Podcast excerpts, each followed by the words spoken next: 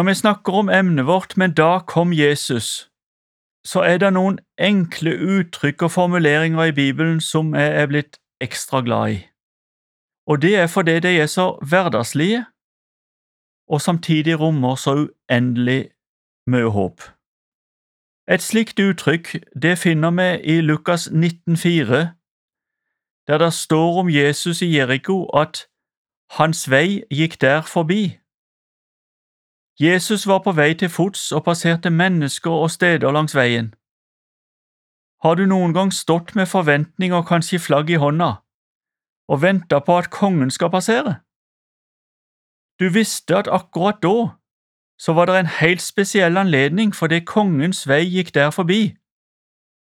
Ja, da skjønner du hva som ligger i dette uttrykket. I Lukas 19 så leser vi om Sakkeus som sprang i forveien og klatra opp i et morbærtre fordi han så gjerne ville se Jesus. Han valgte et strategisk sted, en strategisk plass, med god utsikt. Det førte til langt mer enn en passering og et glimt. Jesus ble med Sakkeus hjem, og overtolleren og hans hus ble helt forandra. Og like før dette, på veien inn til Jeriko, så leser vi om at Jesus møter den blinde tiggeren Bartimeus. Dette står i Lukas kapittel 18, vers 35–43, og det vil vi ta oss tid til å lese. Og det skjedde da han kom nær til Jeriko, at en blind mann satt ved veien og tigget. Da han hørte at mye folk gikk forbi, spurte han hva dette var. De fortalte ham da at Jesus fra Nasaret gikk forbi. Og han ropte og sa, Jesus, du Davids sønn, miskunn deg over meg. De som gikk foran ham, truet ham at han skulle tie men han ropte enda mye mer. Du Davids sønn, miskunn deg over meg! Da stanset Jesus og bød at de skulle føre den blinde til ham.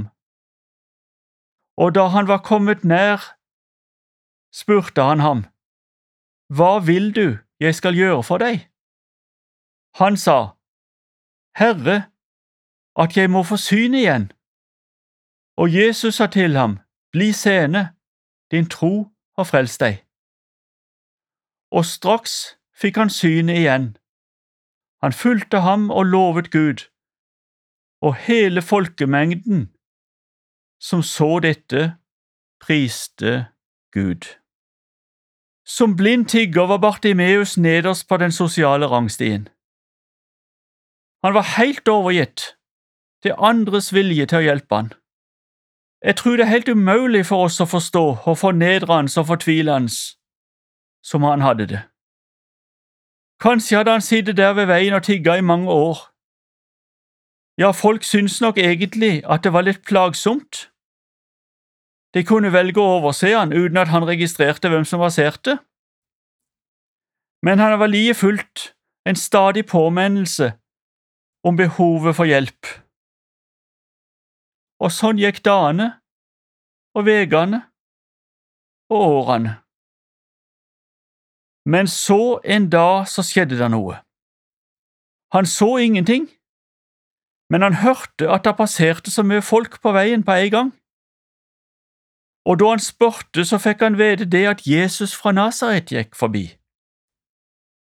Bartimeus må ha hørt om Jesus tidligere. Ryktet om han det han forkynte, og ikke minst om de kraftige gjerningene som han hadde gjort. Det hadde spredd seg. Jesus gjorde jo ting som var helt umulig, og Bartimeus må ha hatt et inderlig ønske om en dag å få treffe han. Og han har tenkt, ja, Jesus, han kan jo sikkert hjelpe meg òg.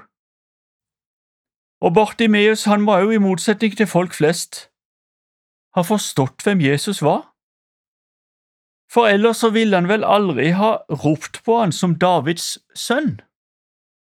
Dette var jo en bekjennelse, en bekjennelse av Jesus som den han sa at han var.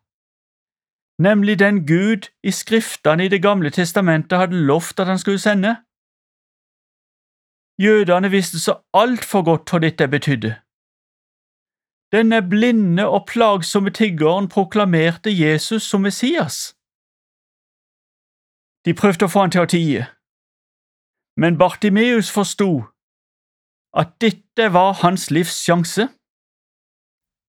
Så han, han ropte bare enda høyere. Og hvorfor? Fordi han trengte ei hjelp som bare Jesus var i stand til å gi. Og så står det ufattelig fint, da stanset Jesus. Vet du, det er et herlig evangelium. Ikke bare går Jesu vei der forbi, men Jesus stanser. Og vet du, det er helt typisk Jesus, det. Han kom jo nettopp for å lytte til sånne rop. Han kom jo nettopp for at sånne rop skulle fanges opp, og for at han så skulle stanse. Om det var aldri så mye mennesker der. Det var jo fullt på veien og langs veien og det var sannelig ganske sikkert et høyt lydnivå òg, og mange som snakka i munnen på hverandre og kommenterte. Men Jesus, ser du, han har ører som hører sånne rop, og så stanser han. Og vet du, nå var den blinde tiggeren viktigere for Jesus enn alle andre. Hva vil du jeg skal gjøre for deg? Spørsmålet er så enkelt, og så like fram, og så rett på sak. Jesus visste jo at Bartimeus var blind, og han visste jo hva han trengte. Og så kan vi jo stille spørsmålet, ja, men hvorfor spør han da? Og jeg tror Jesus han ville at Bartimeus skulle si det sjøl. Han skulle si det sjøl først og fremst for sin egen del, men òg for alle de folkene som sto rundt og lytta og hørte. For nå tror jeg at det var ganske mange som hadde oppmerksomheten retta akkurat på Jesus og på Bartimeus og på samtalen de to imellom. Og vet du, og dette er fantastisk fint, Bartimeus, han svarer akkurat like fram som Jesus spør. Og så sier han det, jeg trenger å se, jeg er blind. Han spør om et under. Det er det han gjør. Han beskriver hovedproblemet sitt i det daglige, at han ikke kan se. Og hvis han kunne se, så ville han jo ha sluppet å sitte der i veikanten og tigge. Og der og da så skjer det et under på veien utenfor Jeriko. Bartimeus kan plutselig se. Og som om ikke det var nok, så får han òg høre at din tro har frelst deg. Det utløser enorme forandringer. Å bekjenne hvem Jesus er og rope til Han om hjelp. Det utløser forandringer langt, langt utover det vi mennesker er i stand til å fatte. Og nå skal du få ta med deg Jesus' spørsmål videre gjennom dagen. Hva vil du at jeg skal gjøre for deg? Og så må du være ærlig når du svarer, det vil jeg oppfordre deg til. Han lytter, og situasjonen er ikke og blir ikke den samme etterpå. Må Gud velsigne deg.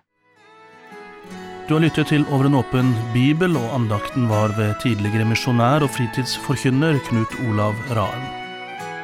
Denne serien produseres av Norea Mediemisjon. Besøk oss gjerne på våre nettsider norea.no. Vi minner om at forbønnstelefonen vår er åpen hver fredag mellom klokka 9 og klokka 11. Da kan du ringe 38 14 50 20.